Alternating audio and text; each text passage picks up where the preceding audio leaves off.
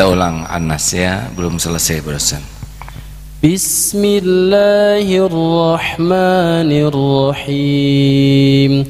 Qul a'udzu birabbin nas, malikin nas, ilahin nas, min شر الوسواس الخناس الذي يوسوس في صدور الناس من الجنة والناس. بسم الله الرحمن الرحيم. السلام عليكم ورحمة الله وبركاته.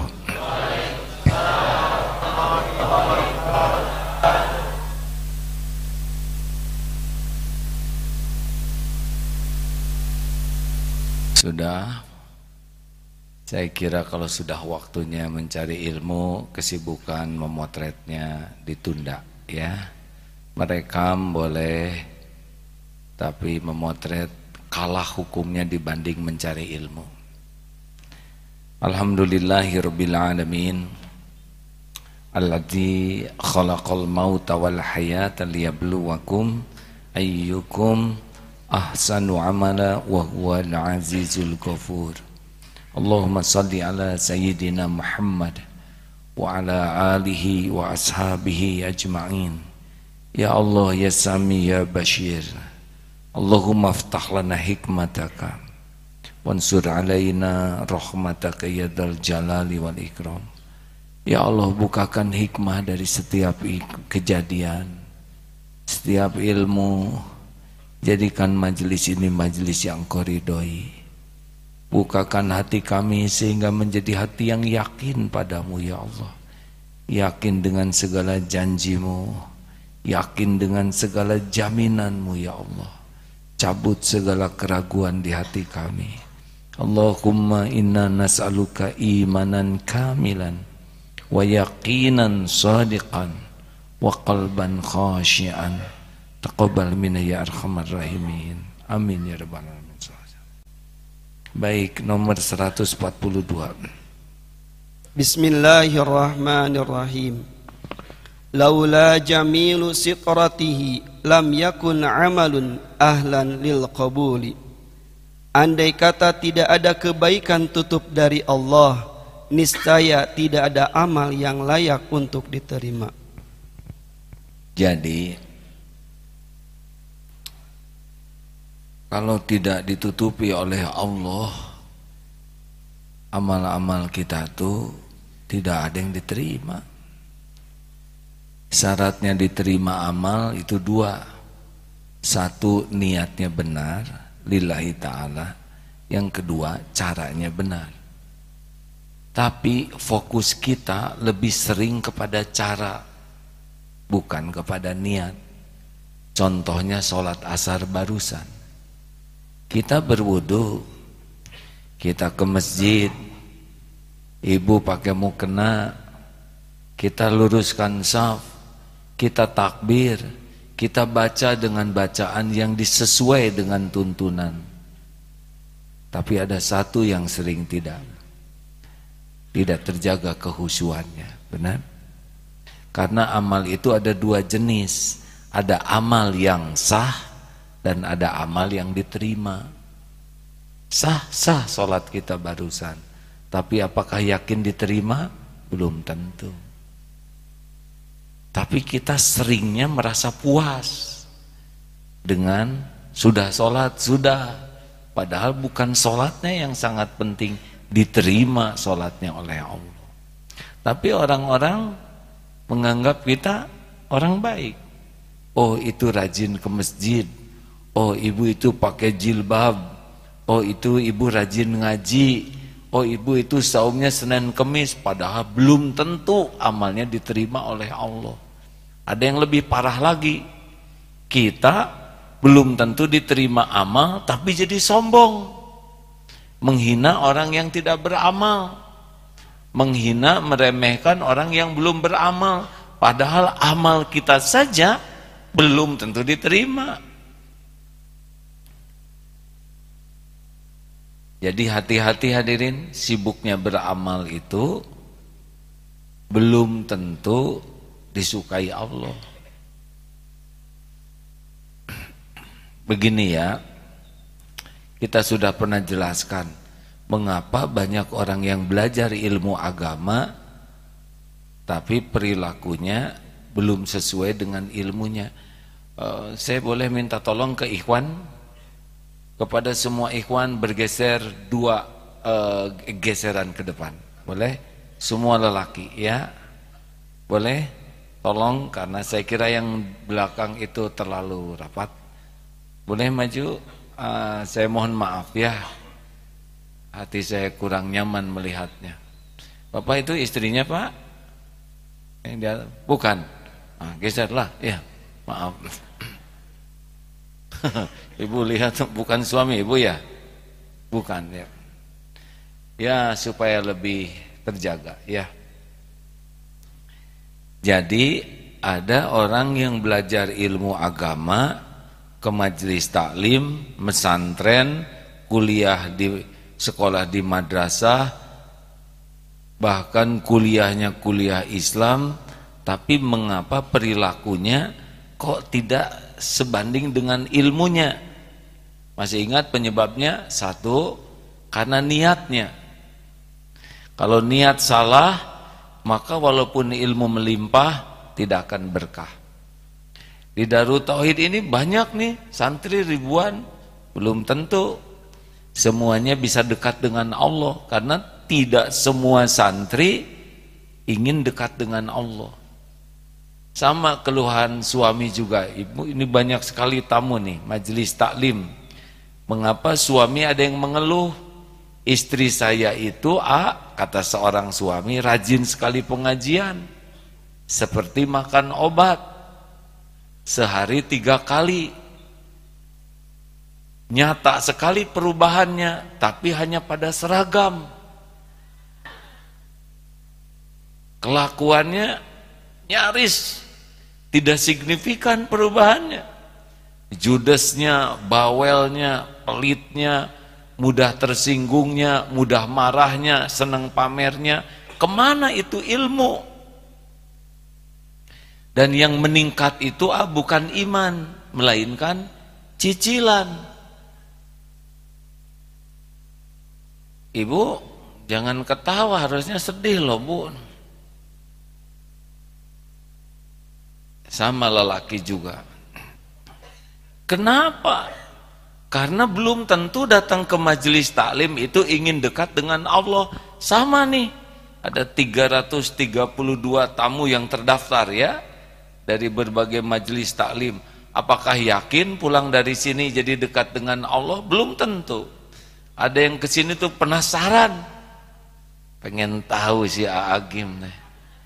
Gimana sekarang? Sesudah dulu heboh ada. Saya mau ngebandingkan. Kalau itu niatnya ya kelihatannya dapatnya hanya dapat potret saja. Tapi ya Allah saya berniat ingin dekat denganmu. Semoga datang ke majelis taklim di Darut Tauhid. Saya semakin mengenalmu semakin yakin padamu semakin dekat denganmu. Ah itu dari awal Allah sudah tahu. Yang kedua, mengapa orang tidak berubah? Karena ilusi ilmu. Dia tahu ilmunya dan celakanya dengan dia tahu tuh tiba-tiba dia merasa sudah seperti ilmunya itu. Dia membahas ilmu sabar dan merasa sudah sabar. Dia membahas ilmu ikhlas dan dia merasa sudah ikhlas dengan tahu padahal beda antara tahu dan bisa. Tahu kuda dengan bisa berkuda itu beda. Benar? Sing sabar atau anak-anak ibu tuh ingin kalian jadi anak yang sabar. Tahu enggak innallaha ma'as sabirin. Gitu. Dalil fasih tapi pada saat ngomong itu kelihatan sekali tidak sabar. Hati-hati ya Bu, jangan deket-deket dengan si ibu itu tuh. Dia itu maaf aja kerjanya tuh ngomongin orang lain. Padahal kita tahu sendiri hukum gibah di dalam surat Al-Hujurat ayat 12 nyata sekali bahwa gibah itu haram. Hati-hati aja bu. Idea ngomongin siapa dan Jangan suka suudon seperti orang itu tuh. Dia kerjanya buruk sangka. Padahal dia yang lagi buruk sangka. Begitulah jebakan ilmu. Tidak jarang orang berdebat membahas ilmu agama. Tapi ya begitulah. Ilmu hanya jadi bahan perdebatan. Belum tentu diterima amalnya yang berdebat itu. Yang ketiga adalah orang belajar agama tapi jadi sibuknya hanya sibuk amalan lahiriah. Ngaji, ngaji baca Quran, tiap mau tidur ngaji, malam tahajud, tahajud. Salat, umroh. Tetapi hanya sekedar ritual lahiriah, zikir, wirid al-maksurat tapi hatinya tidak tidak kepada Allah. Hampa. Ya seperti sholat kita barusan. Sholat sholat. Ruku ruku sujud sujud. Tapi hati ke mana saja? Tidak ingat ke Allah. Benar sedikit yang selama sholat itu berusaha keras hadir hatinya Lahir insya Allah sah, tapi hati belum tentu sah. Ada yang keempat yang bahaya, yaitu dengan ilmu dan amalnya malah jadi penyakit hati.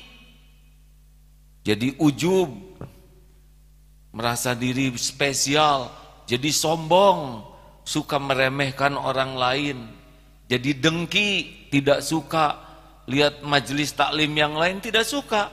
Dia ada di majelis taklim ini, terus pindah ke majelis taklim yang lain, dianggap pengkhianat. Padahal di sini nyari ilmu, di sana nyari ilmu.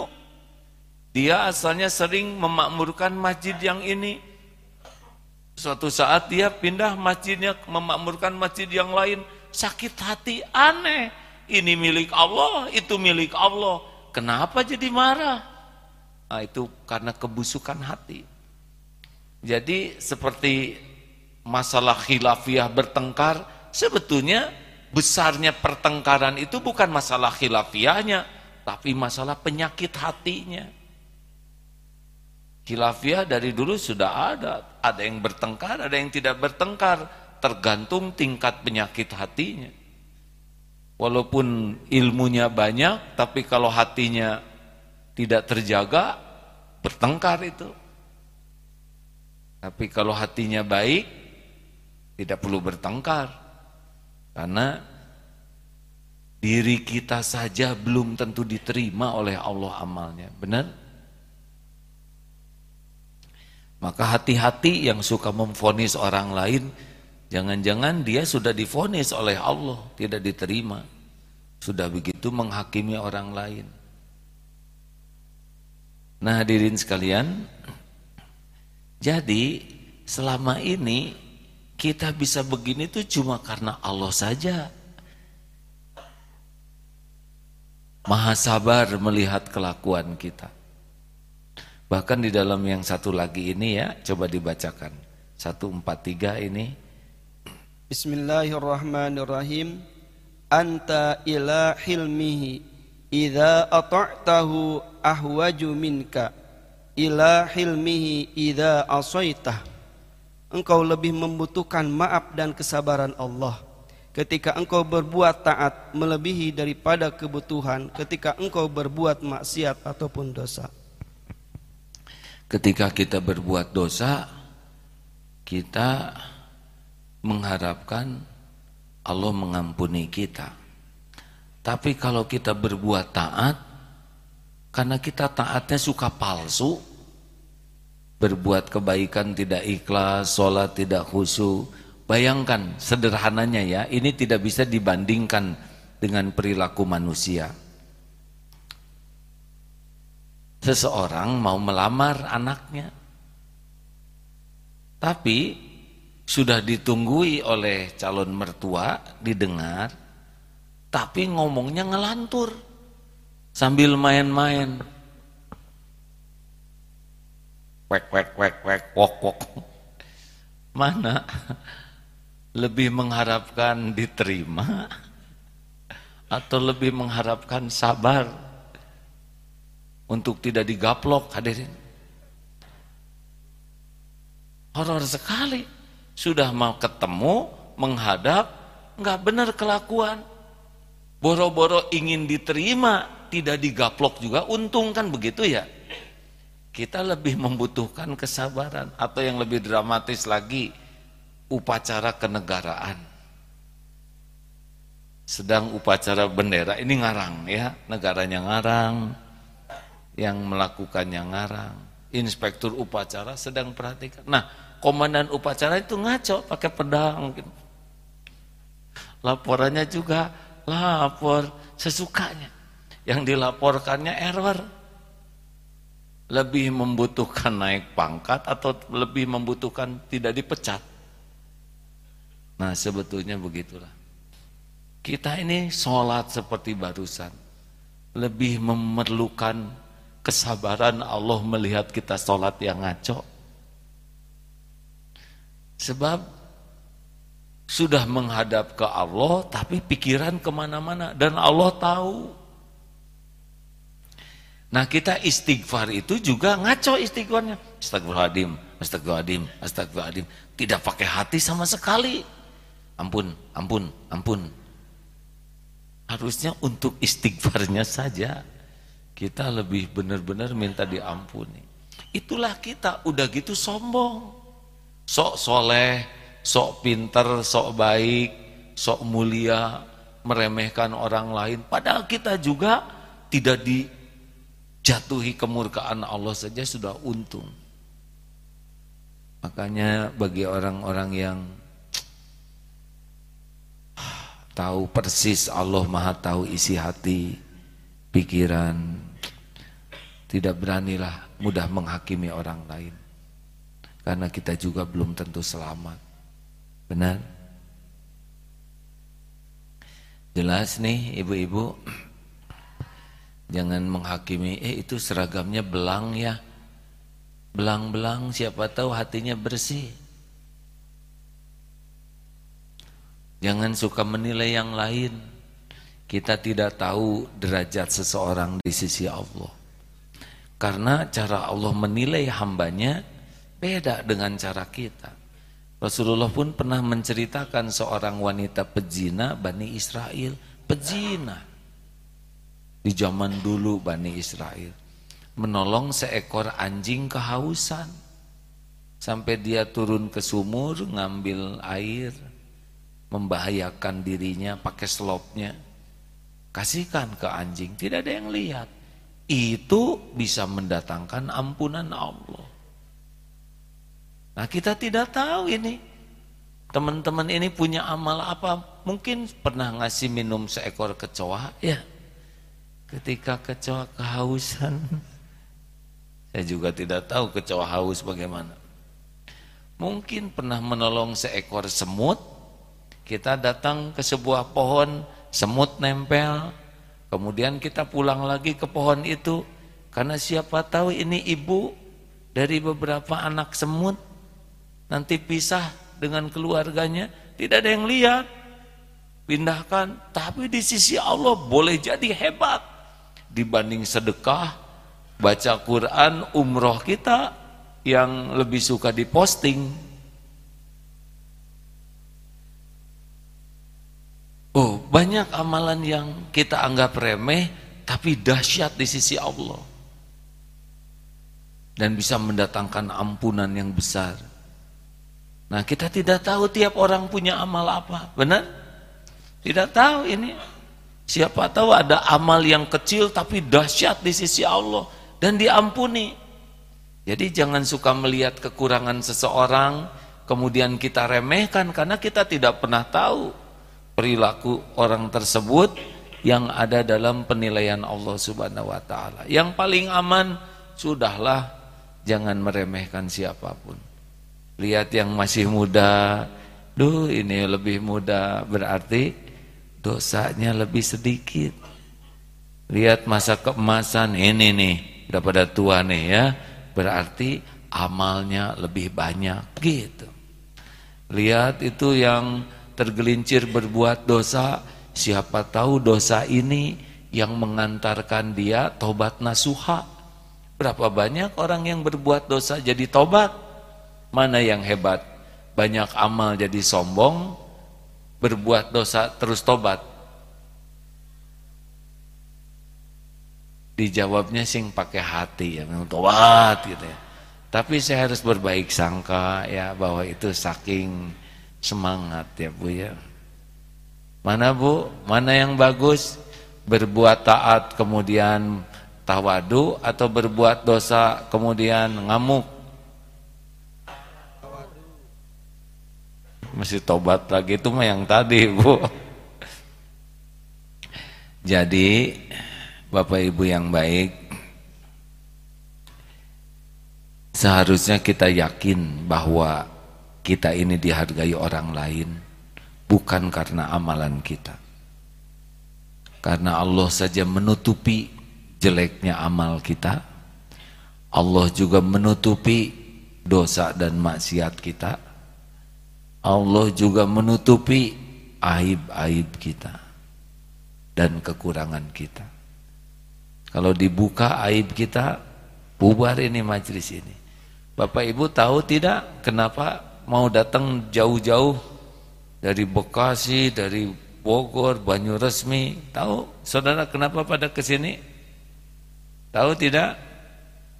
Jawab, Bu, tahu nggak kenapa Ibu ke sini? Tahu? Apa?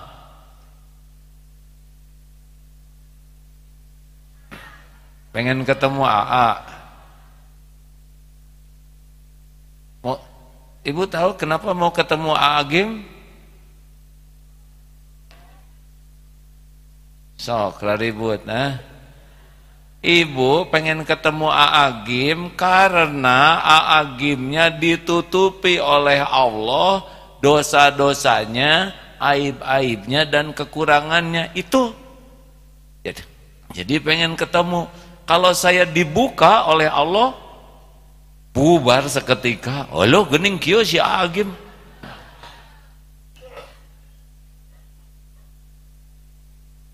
Makanya jangan merasa diri terhormat kalau kita dihormati orang lain. Karena sebetulnya yang dihormati itu adalah tutup dari Allah subhanahu wa ta'ala sebetulnya agak ada tiga tutup yang membuat kita di, di, dihargai orang. Satu, tahu tutup pertama apa? Kulit. Ini tutup ini membuat kita dideketin orang. Coba hidung aja nggak ada kulitnya segini. Ada horor, benar? Atau kelopak mata nggak ada kulitnya, pleng bulat begitu. Manis ada ya. Bisa tidak nyaman dilihat, betul? Satu, Allah ngasih penutup berupa kulit. Yang kedua, Allah menutupi orang lain tidak tahu pikiran kita. Aduh, kalau tahu pikiran bisa berantem di sini. Ada kan tidak tahu yang belakang mikir apa. Kita kotombean, bau. Kita tidak tahu. Lah saya tidak tahu pikiran jamaah. Kalau tahu saya bisa rada emosi. Ya enggak? Iya kan? Setiap di antara kita kalau lihat sesuatu otak langsung mikir dan bisa menilai itu. Oh iya gele ya. Tuh mandi orangnya teh. Bau na bau bangke, bangke tujuh turunan. Untung kita nggak tahu pikiran dia. Yang ketiga, Allah menutupi dosa, aib, kejelekan, kekurangan kita. Terima kasih. Ayo kita akan tukar pikiran. Oh ini selanjutnya ya Nah tutup kita suka minta ke Allah, ya Allah tutupi dosa dan aib saya. Mana yang penting? Ditutupi dosa dan aib atau dihapuskan oleh Allah? Jawab. Nah, kita tuh lebih ingin orang lain nggak tahu aib kita. Kenapa? Karena kita memang masih suka berkedudukan di sisi makhluk. Nah, sebetulnya yang penting bagi kita bukan ditutupi aib di depan orang. Yang penting bagi kita tuh dihapuskan aib dan dosa.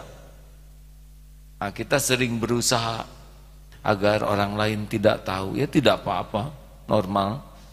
Tapi Allah juga udah tahu kalau kita dibuka bisa gempar. Benar? Makanya sudahlah mulai sekarang jangan petantang petenteng. Jangan merasa hebat, jangan merasa penting, jangan merasa mulia dengan gelar, pangkat, jabatan, popularitas, pujian. Nah, sudahlah. Jangan merasa, uh saya jagoan, saya terampil. Ah, nggak ada yang jagoan, nggak ada yang jagoan. Tapi dia jago sekali bela diri ya karena Allah aja nggak bikin mencret ya kan. Walaupun jago bela diri diare pasti di toilet yang ah, repot begitu. Betul? Tapi ini daya ingatnya kuat belum dikasih pikun aja. Kasih saja oleh Allah kulit pisang keinjak, kepleset, beledug otak bagian belakang bisa hilang itu ingatan. Mudah sekali bagi Allah. Sangat mudah. Tapi dia nilainya bagus ya karena Allah ngasih otak. Allah yang ngebangunkan. Allah yang nguatkan dia belajar. Dan mudah bagi Allah ngambil segalanya. Tidak ada jagoan, tidak ada hebat. Yang ada tuh cuma satu. Pertolongan Allah itu aja. Maka jangan petantang petenteng karena mudah sekali. Terima kasih. Ada pertanyaan silakan. Ada yang musyahadat saya dengar? Mana? Ini di absen dulu tamu. Majelis Taklim Ali Harun Cianjur. Assalamualaikum gitu, Bu. Ih.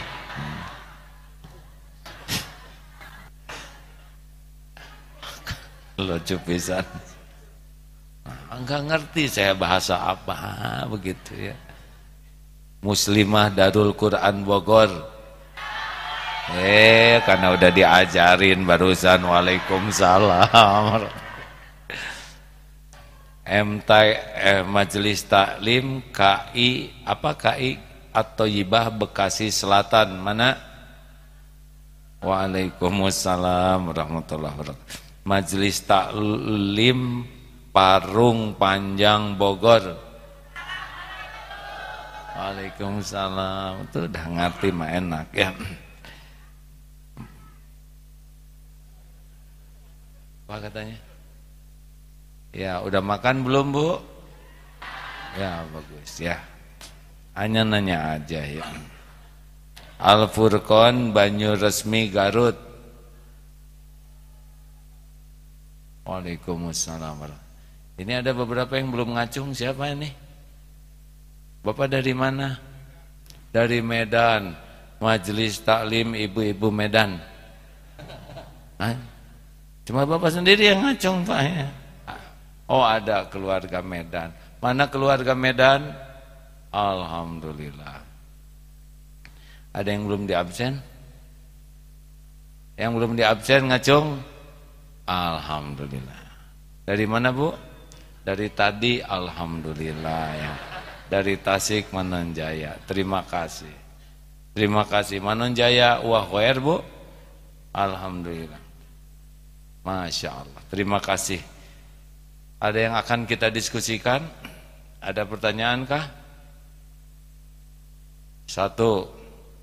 Tidak ada? Ah, begitulah ya. Jangan suka mempersulit orang lain. Jangan menambah beban kepada penceramah. Hidup tuh yang ringan. Mau ditambah aja ilmunya. Silakan, Bu. Ada yang bisa bantu? Jadi ibu-ibu nanti kalau mau ke Darul Tauhid beritahu sebaiknya minggu pertama dan minggu kedua ya. Karena dua minggu selanjutnya ada kemungkinan saya sedang bertugas atau belajar di tempat yang jauh dari pesantren ini. Gitu. Jadi tahun depan itu kalau mau silaturahim ya seperti ini malam Jumat pertama, malam Jumat kedua. Kalau hari Ahad pertama itu ada di Eko Pesantren, hari Ahad kedua di Istiqlal. Itu jadwalnya. Ya. Ya, saya ya. Assalamualaikum warahmatullahi wabarakatuh. A, saya mau bertanya, bagaimanakah caranya untuk mendapatkan ilmu yang sabar seperti AA? ya. Diam, yang lain ya. jangan banyak komentar, jawab enggak, ngerti enggak, kalau gogorowokan. Ibu teh nanya apa? Ya. Kan? Bagaimana? Caranya mendapatkan ilmu yang sabar seperti A. Apa pelan nyebut seperti A-nya? Saya mah belum sabar, Bu. Baru ingin sabar dan berusaha sabar. Apa itu sabar? Sabar itu menahan diri, mengendalikan diri agar pikiran, lisan, sikap dan hati kita tetap ada di jalan yang Allah sukai. Itu sabar.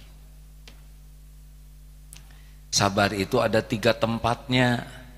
Satu, ketika taat harus sabar. Dua, ketika menjauhi maksiat harus sabar. Yang ketiga, ketika menghadapi musibah. Ini tes ini sering ditanyakan ke tamu yang datang, Bu. Ibu, nanti bulan Ramadan silama ya. Mau ikut taraweh? Mau taraweh tidak? Enaknya yang 11 rokaat atau 23 rokaat? 11 imamnya yang bacaannya panjang atau yang ringkes-ringkes saja jujur? Ringkas ya. Bayangkan Ramadannya belum ya enggak? Ibadahnya belum sabarnya sudah hilang dari sekarang ada. Bu Ibu Banyakan mana baca Quran atau baca WA? Hmm. Khusyuan mana? Ibu teh sholat atau dandan? Tuh gitu. Nggak ada yang cocok dengan amalan ahli sorga dan Mohon jujur bu, ibu teh saya. jujur ku jujur nama ibu teh ngan lepat harus diubah eta teh cik jujur ya. Kalau punya uang 120 ribu dua lembar yang mana yang dimasukin kotak infak? 20 jujur saya ya. Kalau sekarang ditambah uangnya jadi 125 ribu tiga lembar yang mana yang dimasukin kotak infak lima ribu ya. Nambah uang nambah sedikit ya. Tambah lagi jadi 127 ribu 4 lembar tah 2 ribu tuh ini bangga ibu mah. Ya. itulah sebabnya majelis taklim teh ya hanya banyak perubahan seragam. Ah suudon suudon. Apa pakai nyebut seragam? Baik jadi sabar itu tidak serta-merta jadi karena itu harus dilatih. Nah, kalau orang punya niat berlatih dengan orang tidak punya niat berlatih beda. Orang yang tidak punya niat cenderung tidak sabar. Tapi yang sudah niat saya ingin jadi ahli sabar, maka dia akan lebih mudah sabar. Karena ketika ada yang menjengkelkan, itu dijadikan latihan bagi dia. Sing sabar, hadirin? Karena orang sabar itu pasti sukses. Innallaha ma'as sabirin. Allah itu bersama orang sabar. Innallaha yuhibbus sabirin. Allah itu mencintai orang sabar. Wasta'inu bisabri wassalah. Pertolongan Allah itu gerbangnya sabar dulu baru sholat. Sabar tahan diri. Nah gitu Bu. Bu, dilatih ya. Kalau sudah nyiapkan makanan untuk suami ditata, disiapkan dengan baik, Pak, makan dulu terus kata suami, "Maaf Bu, saya harus pergi sekarang, lain kali aja punten, pergi aja suami." Bagaimana perasaan Ibu? Ngambek terus sebel lalu kesel lalu marah kemudian Nah seperti itulah orang-orang yang kurang ikhlas, kurang sabar ya. Ujungnya pasti kurang bahagia. Bu, kalau suami tidak makan makanan yang ibu siapkan, berarti bukan rezeki suami. Dimakan aja oleh ibu ya. Tibatan kehel itu lebih sabar. Baik, ada pertanyaan terakhir? Ah, ini bapak paling rajin nanya. Bolehlah. Nah, lah itu kurang ridho ya. Assalamualaikum warahmatullahi wabarakatuh. Mohon bertanya. Di suatu tempat ada yang membuat sumur. Itu waktu membuat sumurnya dicampur air janjam. Saat ini air itu sangat diagung-agungkan Bagaimana menurut A itu apa musyrik tidak? Terima kasih. Membuat sumur, sumur dikasih air jam-jam. Terus sekarang sumur itu dianggap keramat airnya itu. Airnya. Air jam-jam itu yang asli itu sumurnya ada di Mekah di Baitullah. Kalau itu berarti air sumur yang pernah dikasih air jam-jam. Ya sudah begitu. Tidak ada kelebihannya kecuali pernah dimasukin air jam-jam. Dan kalau sudah diambil berarti sudah habis air jam-jamnya ya. Kalau itu diagung-agungkan saya kira tidak tepat ya. Terima kasih ya. Itu Ya. Saya serius. iya Pak, nggak perlu diagung-agung. Bahaya kalau gitu. Ya. Boleh dikasih amalan lainnya? Mau dikasih amalan?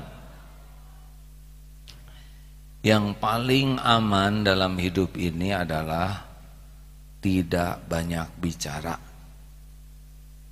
Loh, AA banyak bicara. Saya ceramah hadirin. Kalau saya duduk di sini diam terus bisa jadi masalah. Yang penting bicara itu hanya dua pilihannya. Falyakul khairon audiasmut. Apa Bu? Manfaat mulut Allah menciptakan mulut ini untuk apa Bu? Untuk un, bukan untuk bicara, untuk bicara yang baik. Pilihannya dua, baik bicaranya atau diam. Jadi kalau tidak yakin niatnya baik, yang disampaikannya baik, manfaat, maka jangan bicara. Semakin banyak bicara seperti saya sekarang ini, semakin banyak berpeluang tergelincir.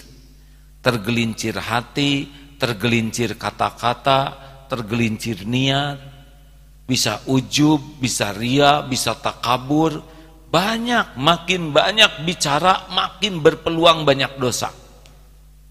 Maka yang paling beruntung itu orang yang paling hemat bicara, tapi sekali bicara benar, baik, benar. Kalau ingin memperbaiki akhlak dan belum bisa memperbaiki hati, perbaiki lisan. Kalau lisan kita bisa dijaga, dengan baik, bicaranya dengan baik, niatnya baik, insya Allah akan sangat membantu hati jadi baik. Duzol kakosi, ulangi, jangan berkata dusta.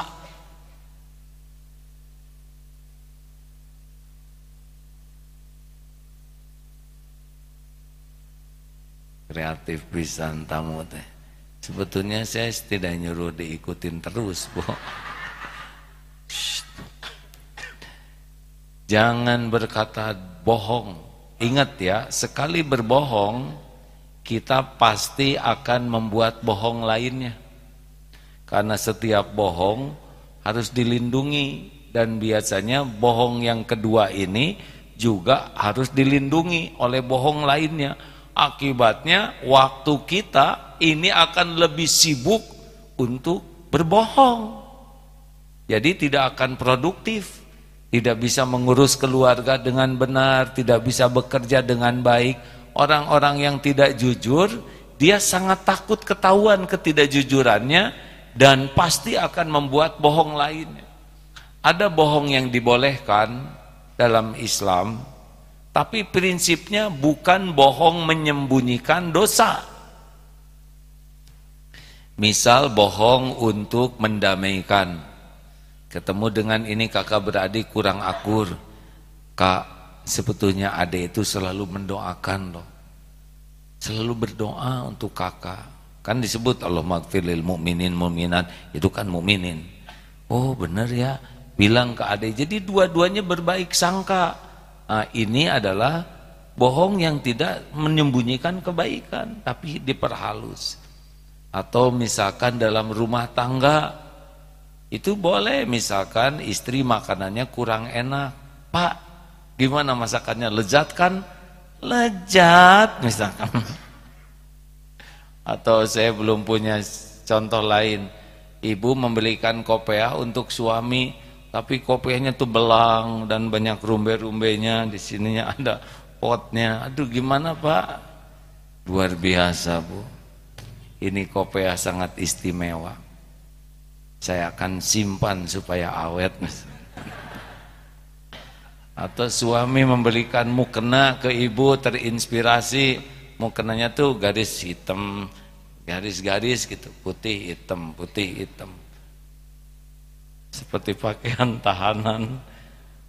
Bu ini saya belum pernah lihat ada mukena variasi. Masya Allah Pak.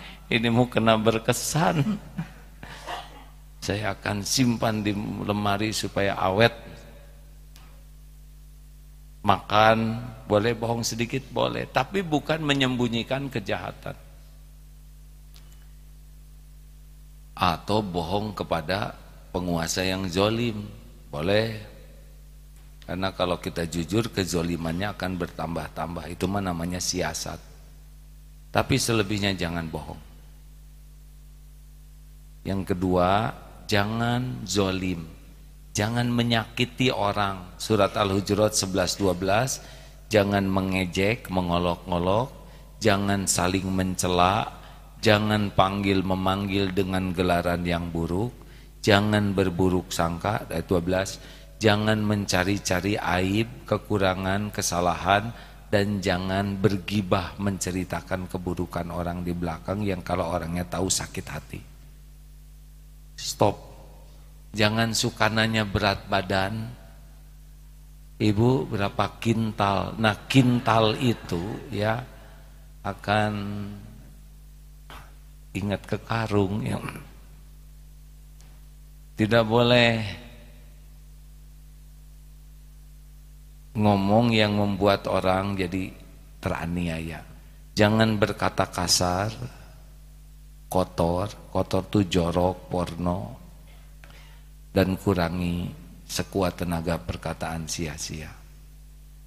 Makin sedikit bicara, makin aman. Kecuali kalau kita yakin benar. Mau ditambah amalan lainnya, yang dipersedikit bicara, yang diperbanyak itu tobat. Paman aksarul istighfar, barang siapa yang memperbanyak istighfar, ja'alallahu lahu min kulli hammin farojan hammin farojan wa min kulli doiqin makhrajan wa razaqahu min haitsu la yatasib. Barang siapa yang memperbanyak istighfar Allah lapangkan dari sempitnya hati gelisah tertekan nelangsa luka perih pokoknya sesuatu hati ini yang tidak nyaman diambil oleh Allah istighfar tuh digantikan dengan ketenangan. Allah memberikan jalan keluar dari persoalan apa pun bentuknya, persoalan fisik kita, penyakit, keuangan, rumah tangga, anak, ekonomi, bisnis, pokoknya persoalan apa pun ada dalam pengetahuan Allah, ada dalam kekuasaan Allah. Jangan pernah ragu ya karena Allah tidak ada yang lebih menyayangi kita di jagad ini selain Allah. Tidak ada yang lain. Orang tua sayang tapi tidak seberapa dibanding dengan sayangnya Allah kepada kita ciptaannya. Tidak ada yang lebih mengetahui segala keperluan dan persoalan kita selain Allah. Karena dialah yang menciptakan kita dan dia yang mengurus kita setiap saat. Tiada yang mampu menolong kita selain Allah. Karena selain Allah tidak bisa memberikan manfaat tanpa izin Allah. Dan istighfar itu gerbangnya. Yang terakhir warozaqahu min haitsu la yatasib. Allah berikan karunia rezeki itu karunia aneka bentuk dari tempat yang tidak diduga-duga tidak disangka-sangka. Kurangi bicara, berbanyak zikrullah, di antaranya adalah istighfar. Allah, malik bang yang syahadat silakan. Mailing di mana mailing? Ada? Ya. Makasih. Apa kabar? Baik. Alhamdulillah. Pertama kali ke sini? Ya. Ah, tahu dari mana di sini? Ada teman yang ngajak? Ada.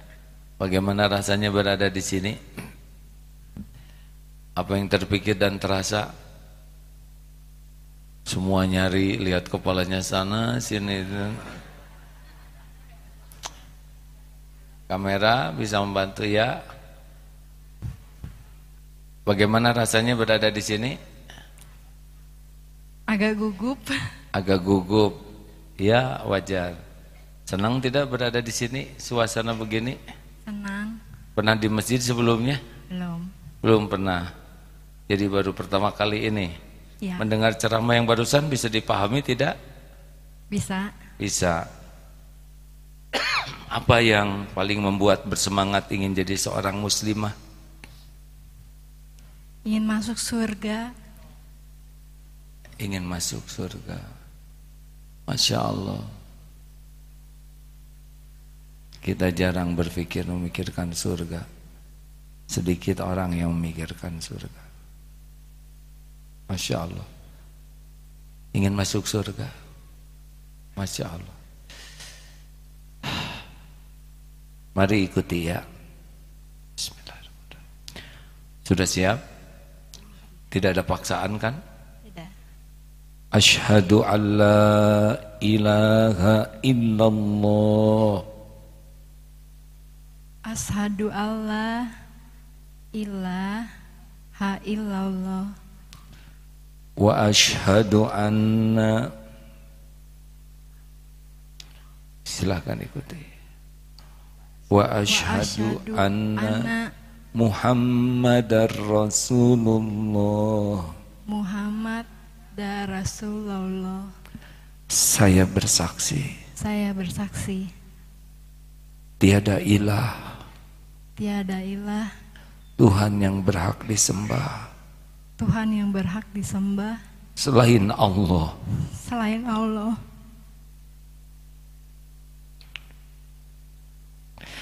Dan saya bersaksi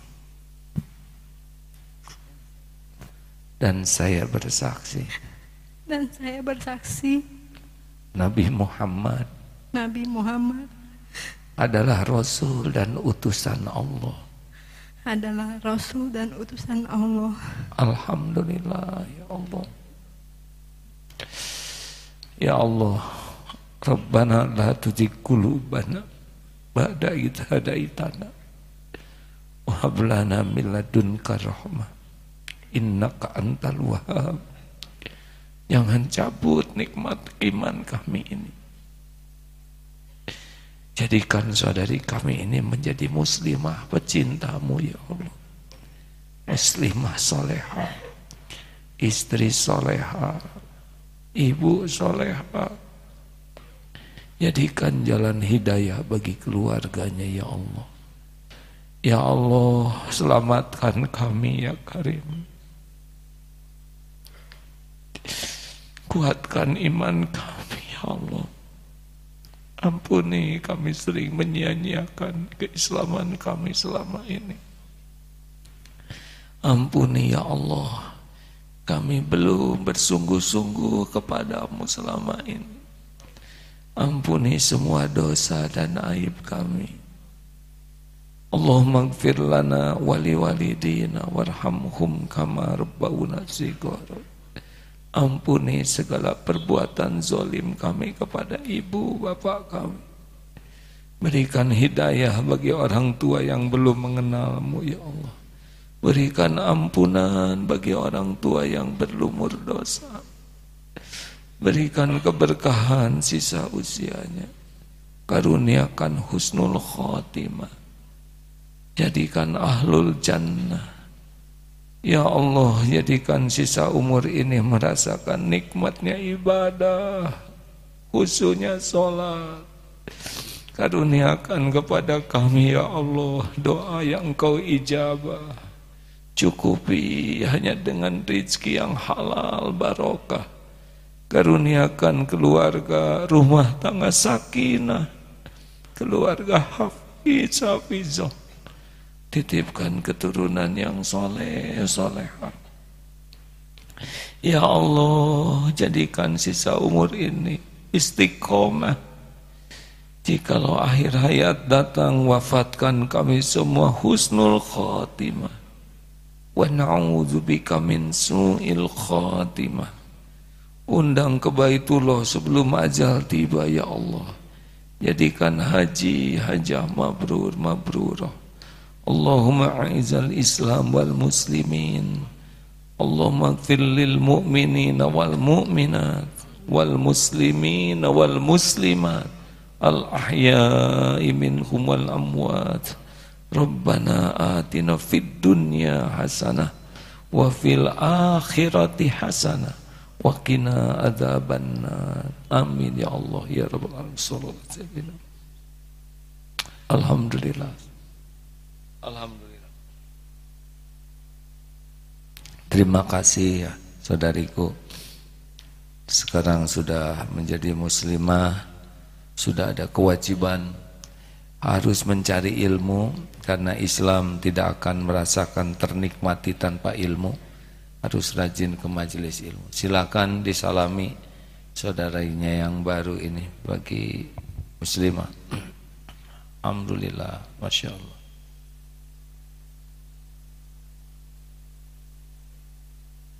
Alhamdulillah, Masya Allah, Masya Allah. Kalau ingin lihat orang yang tidak punya dosa dan tidak punya amal, yaitu yang baru bersyahadat.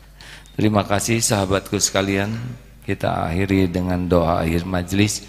Subhanakallahumma wa bihamdika ashadu ala ilaha illa anta astagfiruka wa atubu ilaik.